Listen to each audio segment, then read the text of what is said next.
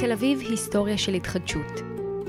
שיחה בין האדריכל והמתכנן ניקי דוידוף לבין פרופסור טלי חתוקה, המפגישה בנקודת המבט של איש הפרקטיקה לבין זו של החוקרת על תכנון העיר תל אביב. והעיר הגדולה הצעירה, שבתווך נהר יברנה, תתנשא כמו גל סוערה.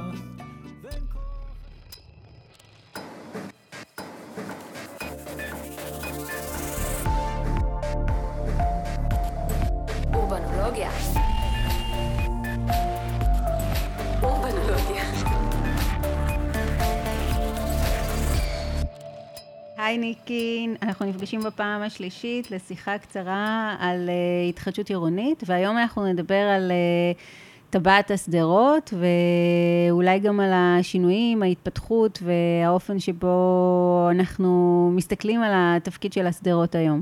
בואו נתחיל אולי באמת uh, עם ההתחלה ההיסטורית של השדרות, עם שדרת רוטשילד, ואחר כך ככה נתקדם.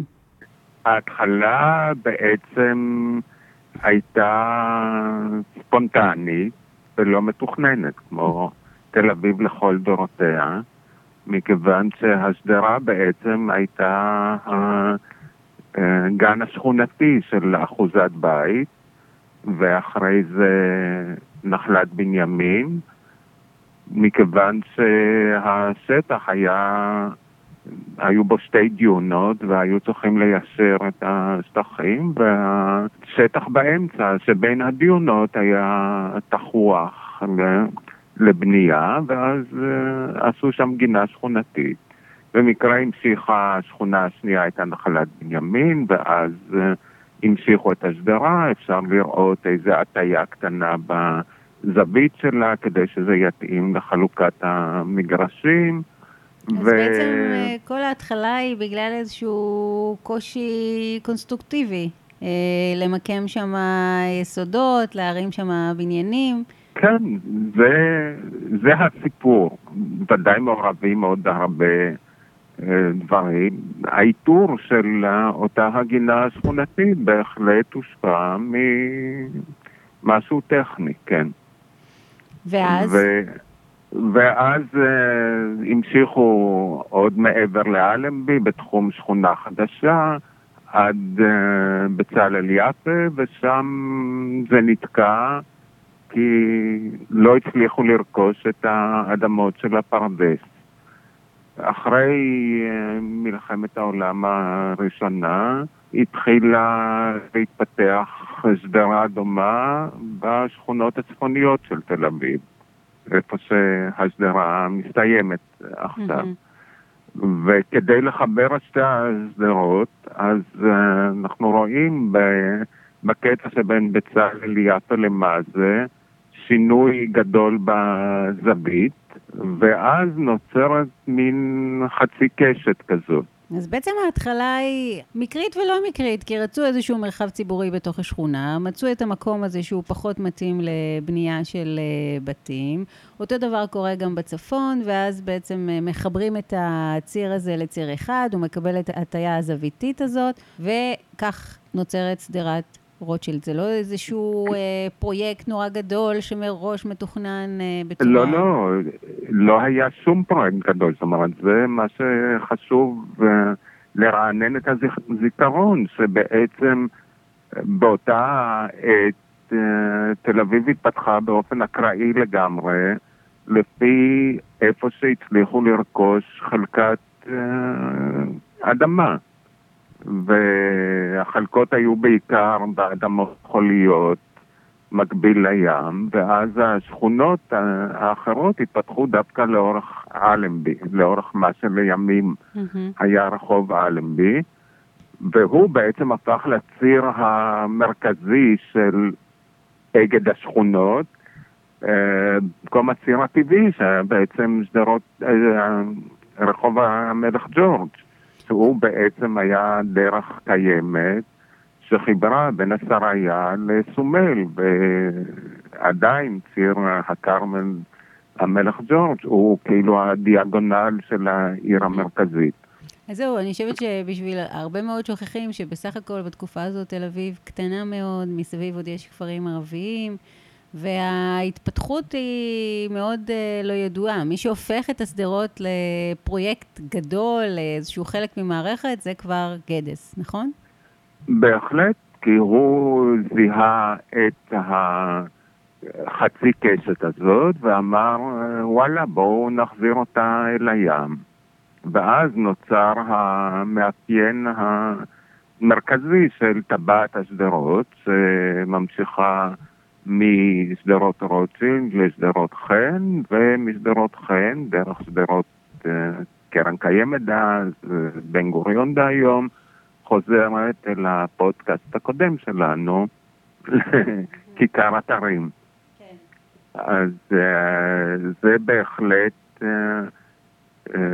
מין תהליך ספונטני שהפך בעצם לאחד המאפיינים הבולטים ביותר במרקם העירוני של אה, תל אביב.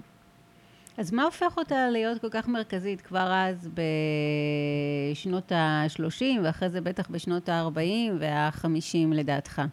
אני חושב שבעיקר בשנות ה-20-30, אה, כשאז אה, זה היה, זאת אומרת, החלום של כל השכונות היה עיר הגנים, הרווחה הסביבתית, וזאת בעצם הייתה הריאה הירוקה, וכל אחד רצה לבנות את הבית המפואר שלו, אה, שיצפו, שהם יצפו אל השדרה, אבל שכל ההולכים בשדרה.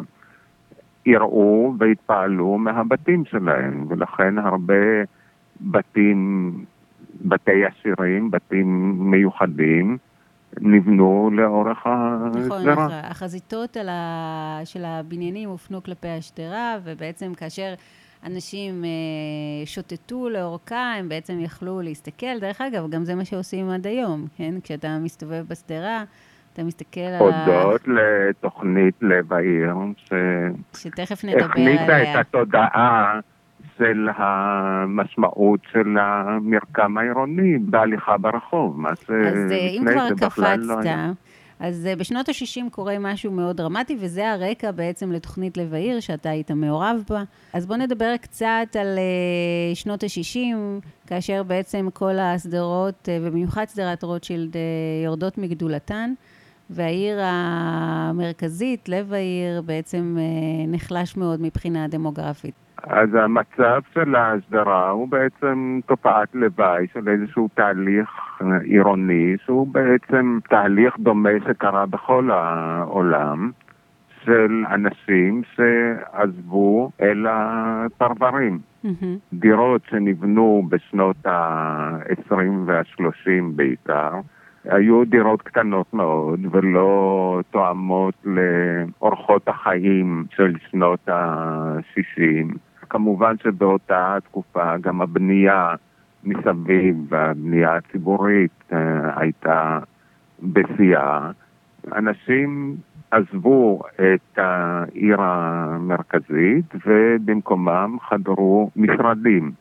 שזה גם תופעה מעניינת, כי תל אביב, שתמיד רצתה להיות אחוזת בית, הרצליה פיתוח, בעצם חוץ מבית הדר שנבנה בשנות ה-30 ומגדל שלום שנבנה בסוף שנות ה-50, 1960, לא היה שום בניין משרדים בתל אביב, וכל ה... אבל תל אביב הייתה המטרופולין והיה ביקוש גדול, וכמו שהרוב, השכונה של אחוזת בית הפכה בעצם למער הראשי של תל אביב, הוא פלש לאט לאט לכל הדירות לאורך השדרה. אז בעצם השדרה מאיזשהו... והשדרה ננטשה מתפקודה. כן. גם היום קשה לנו לדמיין, כי דווקא מגדלי המשרדים לאורך השדרה הם... היום הם מעוררי פעילות גדולה. האופי של הפעילות הזאת היה שונה לגמרי אז, כי אז בכל דירה קטנה נכנס איזשהו משרד קטן, ואנשים עבדו שם משמונה עד ארבע. ואחרי זה המקום היה מת לגמרי, ואת הסנדוויצ'ים הביאו מהבית ולא הלכו לקיוסקים. מס... לקיוסקים או למסעדות. והמקום נזנח, זאת אומרת, כל האזור היה נטוש. בעצם קצת דומה למה שקורה לרחוב המסגר עכשיו בשעות הערב. אה, בהחלט, כן.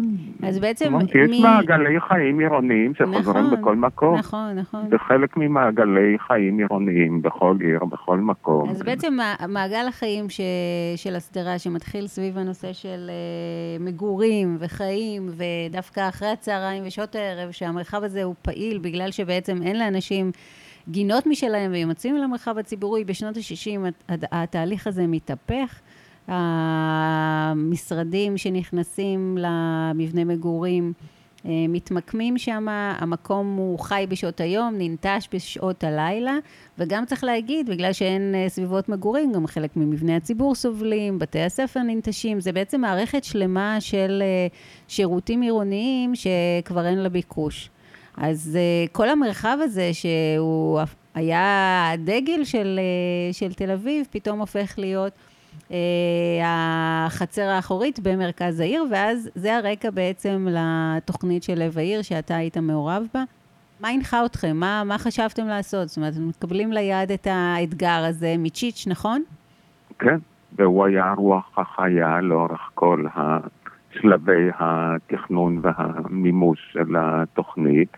אבל בעצם התוכנית של לב העיר היא תוצאה מאיזושהי שרשרת תכנון הרציפה שהיא ייחודית בהיסטוריה התכנונית שלנו, כי בעצם זה התחיל מאיזושהי תוכנית בסוף שנות ה-70 לאיזה תוכנית לרוויזיה מטרופולינית בגוש דן, כי פתאום הערים התחילו לשקט אחת לשנייה והבינו שצריך לעשות משהו.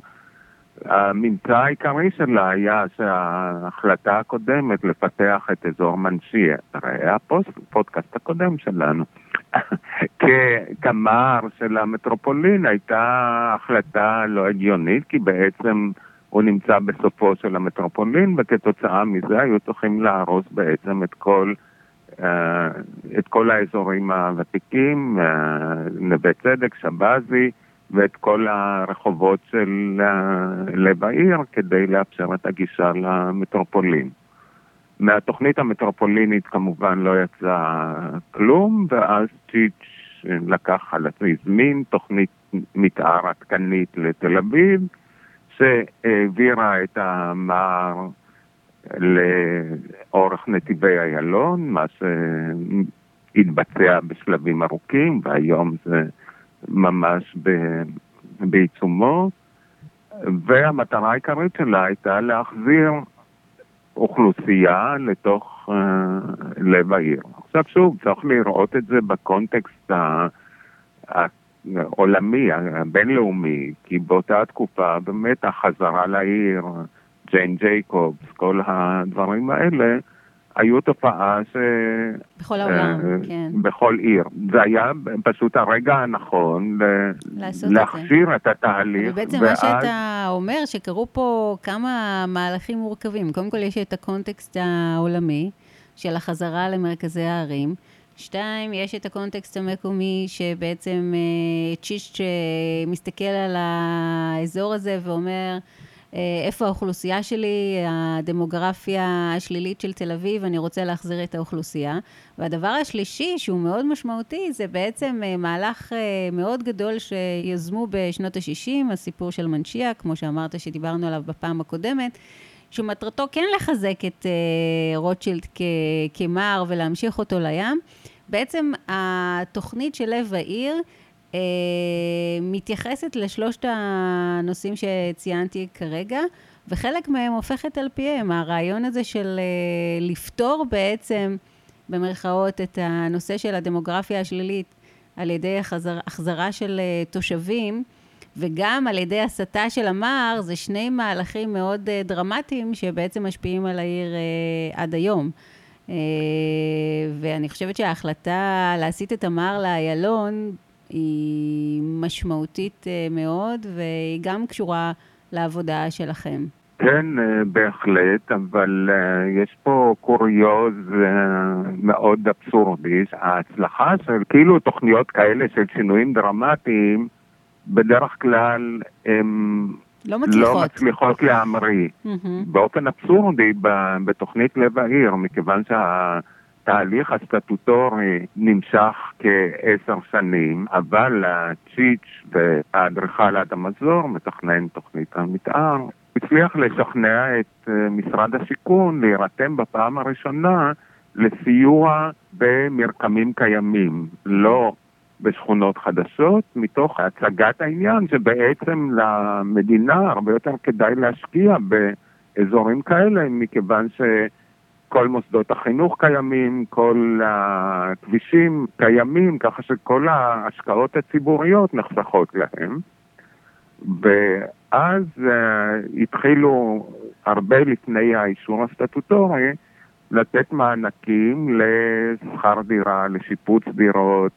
קודם כל התחילו במהלך של פינוי המשרדים, ואז נוצר מאגר של יחידות דיור, והתחילו להגיע הצעירים של, הם היו בעצם הבנים או ילדים של אלה שעזבו את uh, תל אביב. Uh, 20-30 שנה לפני כן, והם נכנסו לשכירות באותן דירות קטנות שנבנו בשנות ה-30 וה-20, אבל הן התאימו לצרכים של אותם הצעירים, שהיו עם נטיות בוהמיות והרפתקניות, ולא היה להם כל כך חשוב שהאזור מוזנח וירוד. ובעצם כל המושג השנקינאיות, שהיה שם. המותג של תל אביב, התמסד במקום הזה הודות לאותם הצעירים שהגיעו בסיוע של כל ההלוואות וכולי. ולכן ברגע שכבר אפשר היה לממש את הבנייה של דירות יותר מרווחות ו... אז כבר זה לא היה איזשהו רעיון מטורף לקנות שם דירה ולהיכנס לגור. אבל מה שמדהים אותי בכל ה... ייחודי. אבל אני גם רוצה רגע, דווקא בזיקה לפרויקט של מנשיה, זה בעצם כמעט פרויקט אה, שהוא הפוך מבחינת הכלים שהשתמשו במנשיה. במנשיה זה פרויקט פיזי, אדריכלי, מגה סטרוקטורה, ובעצם מה שאתה מתאר כאן זה כלים יישומיים מאוד אה, פשוטים, פרוזאיים, לתת את הכוח לאנשים, כי בעצם באמצעות הלוואות ובאמצעות אה, תמיכה כלכלית, כל אדם נכנס ופועל אה, בתוך המרחב אה, לפי תפיסת עולמו. וזה לא נראה לכם אז בזמנו משהו ככה צנוע מדי? זאת אומרת, אני בעד הכלים הללו, אבל בעצם במידה מסוימת מה שאתה מתאר זה את השינוי, את הכוח של העירייה בפינוי המשרדים, וגם את הכוח של התושבים בשינוי שהם עושים לאט לאט בעצמם. מה התפקיד של האדריכל והמתכנן כאן? מה בעצם תוכנית לב העיר הציעה ברמה הזאת? התפקיד של האדריכל והמתכנן זה לזהות בנקודת הזמן הנכונה את הצרכים ואת הפוטנציאלים ולהכשיר את הכלים. Uh, כאילו דילגתי באיזושהי, על איזושהי פאזה במעבר בין תוכנית המתאר לתוכנית לב העיר, שאז נסרקו בעצם כל אזורי המגורים בתל אביב וסווגו לשלוש רמות. האזורים שהיו במצב טוב ולא הייתה סיבה להתערב בהם, הם היו בעיקר אזורי רמת אביב, הצפון אה, החדש וכולי. באזורים כדוגמת לב העיר, שבהן היה הפוטנציאל המרקמי והתשתיתי להתחדשות, ופשוט כל מה שהיה צריך זה לעניין את, ה... את האנשים, לחשוף בפניהם את הפוטנציאלים האלה. ושוב, אה, המזל של אותה נקודת זמן, בין השאר, הוא שבאותה עת, וכמו הרוח הכללית של המודעות הקהילתית יותר, נפתח עיתון העיר, ואסתי זנדברג חשפה כל שבוע או כל חודש את המהלכים התכנוניים, וזה בעצם היה שיתוף הציבור היעיל ביותר, מכיוון שמכל אה, אזור של התחדשות עירונית, האוכלוסייה המקומית היא מרכיב מצומצם, בעצם מה שצריך לחשוף את זה, זה לעניין של אה, כלל הציבור. כי בלי שהם יגיעו, התוכנית יכולה להיות מדהימה, אבל אה, אף אחד לא... יממש אותה. לא יממש אותה. ושוב, זה קשה, אבל אנחנו צריכים לחשוב על המונחים של אותם הימים, כשלא היה ביקוש למגורים בתל אביב. זאת אומרת, זה לא המצב של היום, שאתה בונה מגדל על נתיבי איילון, והוא מיד נמכר בכל דירה במיליוני דולרים. אז היה צריך uh, לשאוב את האנשים. ערכי הקרקע היו ממש הפוכים מהיום. Uh, תוכנית באה לפתור איזושהי בעיה, והחוכמה של התוכנית היא לזהות בנקודת הזמן הנכונה את הכלים שיכולים לעזור לה. אבל מה שאת אומרת, כלים פשוטים, סליחה, אבל אין כלים פשוטים.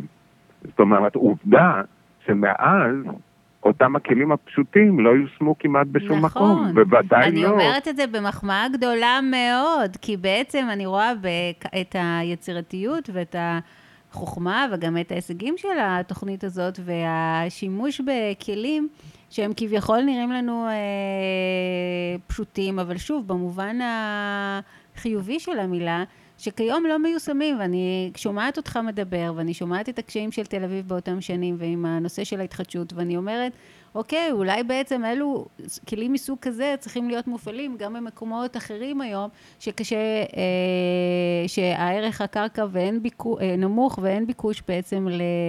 לנושא הזה של אה, מגורים והתחדשות במקומות הללו, במיוחד בערים. אני לא הולכת אפילו לפריפריה הרחוקה, אלא פריפריה גיאוגרפית כבר אה, קצת יותר קרובה. אבל אה, אני חושבת שמה שהפרויקט הזה מנכיח זה דווקא את השימוש היצירתי בכלים אה, שנראים אה, כמעט ברורים מאליהם. ועשו בעצם אה, שינוי דרמטי, ואם אני קופצת אה, כבר חזרה לשנות התשעים, אז קורה שינוי מאוד דרמטי, ההתייחסות למרחב הציבורי ותהליכים של שימור, וזה בעצם מגיע במקביל לתהליך של היישום של התוכנית ושל החזרה של, ה, של התושבים. אז אולי תדבר גם על זה. אז תרשי לי לתקן אותך. Mm-hmm. האקט הראשון של תוכנית אה, לב העיר היה במסגרת פרסום סעיפים 77-78 על הכרזת. התוכנית, האיסור על הריסת הבניינים לשימור.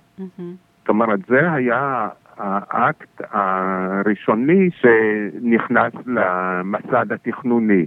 Mm-hmm. ובהחלט ההערכה של המרקם הקיים, הערכים האדריכליים שלו ושל בניינים מיוחדים, זה מהות החזרה אל העיר. זאת אומרת, לא להשתמש בשטח קרקע שאפשר לגלח אותו ולהתחיל את כל הסיפור מחדש, אלא להתחבר לאותם הרבדים שהיו לפני כן.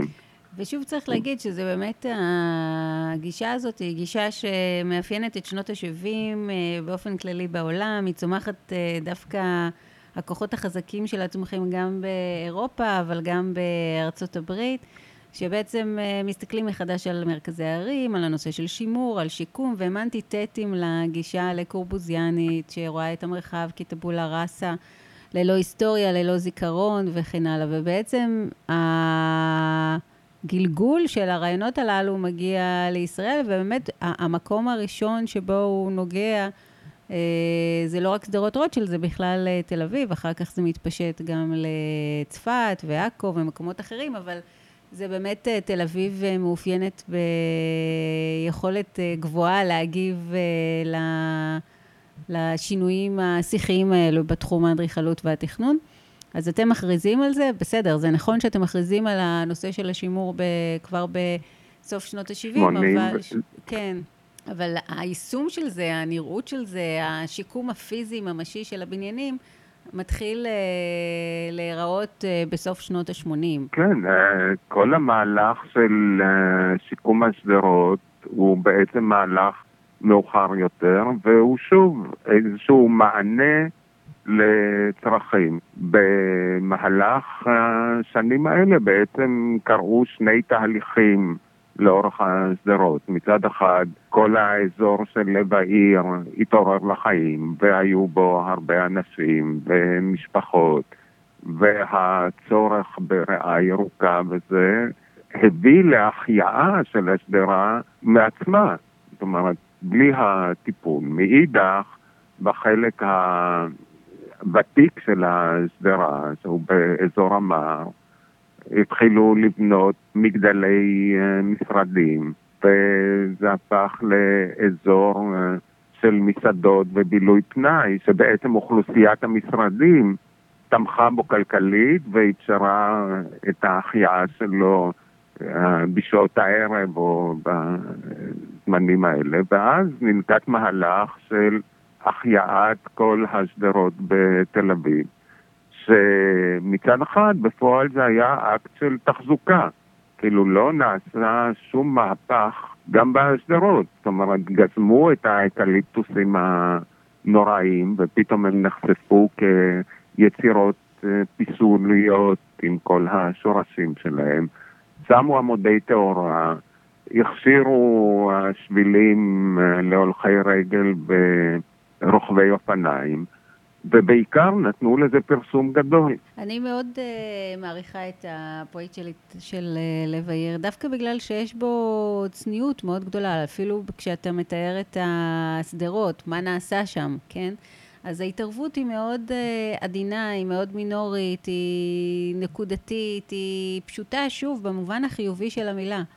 והרבה פעמים כשאנחנו חושבים על פרויקטים של התחדשות עירונית, אז אנחנו רואים מהלכים נורא מורכבים וכבדים, ובעצם אה, צריך לזכור שהתחדשות עירונית באה בהחלט מהמילה לחדש ולא לבנות מחדש. זה לא, המטרה פה היא לא לייצר אה, רקמה חדשה או יש מאין, אלא להתערב באמת בצורה מאוד אה, עדינה בתוך המרקם הקיים, ולפעמים צריך לעשות מעט כדי שה...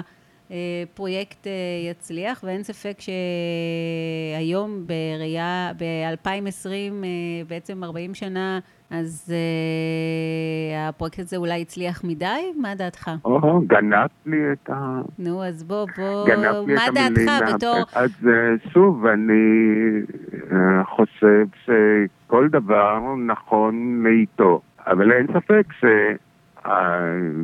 שהתנאים הכלליים יצרו אזור ג'נטריפיקציה מובהק. Mm-hmm. ואת הפתרונות של לב העיר נתנה בשנות ה-80, אולי צריך לחפש באזורים אחרים שהם פחות uh, התקדמו. אין ספק שבתנאים של היום, תוכנית כזאת, אף אחד לא היה מעז להציג אותה בכלל, שאין בה כמעט שום אה, רווחים אה, נדל"ניים. אי אפשר לנתק את התכנון מה, מהתנאים הכלליים mm-hmm. בסביבה. אז אתה אומר פה משהו מאוד מאוד חשוב. קודם כל שאנחנו משתנים. אורח החיים שלנו משתנה, הערכים שלנו משתנים. אין ספק שהתפיסות הכלכליות של שנות ה-70 וה-80 רחוקות מאוד מאיך שאנחנו רואים היום, המעורבות של המגזר הפרטי, הנושא של הרווח, הדברים הללו מאוד אה, אה, שונים ממה שהיה ככה לקראת סוף המאה הקודמת. אבל גם הדבר אולי החשוב שגם אה, מסכם ככה את כל הסדרה של הפודקאסטים הללו בתחום ההתחדשות העירונית, זה שבעצם העיר היא משהו אורגני, חי. ומה שמתאים אה, ל-20 שנה יכול מאוד להיות לא רלוונטי לכמה שנים אחר כך, ובעצם צריך לעשות בחינה מחודשת של הפרויקטים כל כמה עשורים. כל תוכנית צריכה אה, להבטיח את אותם האמצעי יישום שלה, כדי שלא ינסו, כי האבסורד העוד יותר גדול הוא ש-20 שנה אחרי מתחילים לממש איזושהי תוכנית שנעשתה לפני עשרים שנה והתאימה לתנאים של אותם השנים, ואז נוצרים כל מיני פילים לבנים מגוחכים, שמה שאפשר ללמוד מהתוכנית אה, לב העיר, ושהוא רלוונטי גם להיום, שאמצעי יישום נאותים נדרסים כחלק בלתי נפרד מכל תוכנית, כמה שהיא לא תהיה טובה ומרקיעת שחקים. המון המון תודה שחלקת איתנו את כל המחשבות והתובנות שלך, וזהו, ניפגש. תודה רבה. אם נזכה והזמן המהיר לא יאמר לנו פתע הרף, עוד נלך ידידי בשבילי גן מאיר, נשענים על מקלות עם ערב. נהלך בין עצים ירוקים, נשד רורי תל אביב בם תסערנה, וזקנינו יהיו ארוכים, אוי, בכל עצמותינו תאמרנה. והעיר הגדולה הצעירה, שבתווך נהר יברנה, תתנשא כמו גל סוערה, ואין כוח אשר יקרנה, והעיר הגדולה הצעירה, שבתווך נהר יברנה, תתנשא כמו גל סוערה, ואין כוח אשר יקרנה. מעלינו ינועו עצים, שיאורו באור בין ארבעים, יקרנום בעודם עציצים, והנה ראשיהם בשמיים. בהדר קומתם, הם ברעש ורעד סבבונו, השנים שהגביהו אותם, הן אותן השנים שכפפונו. והעיר הגדולה הצעירה, שבתווך נהר יברנה,